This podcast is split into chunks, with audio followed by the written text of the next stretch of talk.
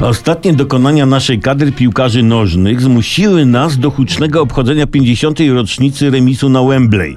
Młodszy ma takich coraz więcej, przynajmniej z mojego punktu widzenia niestety. Przypomnę, że był to remis na Wembley.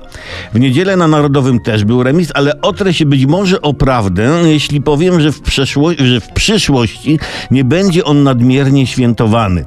Niestety stało się to z winy Mołdawii, bo za mocno się broniła, strzeliła gola i tym samym pod, podważyła pokładane w niej nasze nadzieje.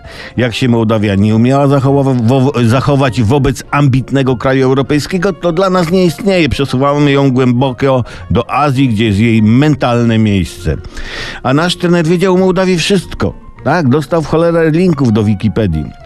Z tym, że słuchajcie, nie popadajmy, nie popadajmy. Jeden trener powiedział kiedyś, stracony gol zniszczył dobre wrażenie o drużynie, bo wielu niestety patrzy na to spotkanie przez pryzmat wyniku.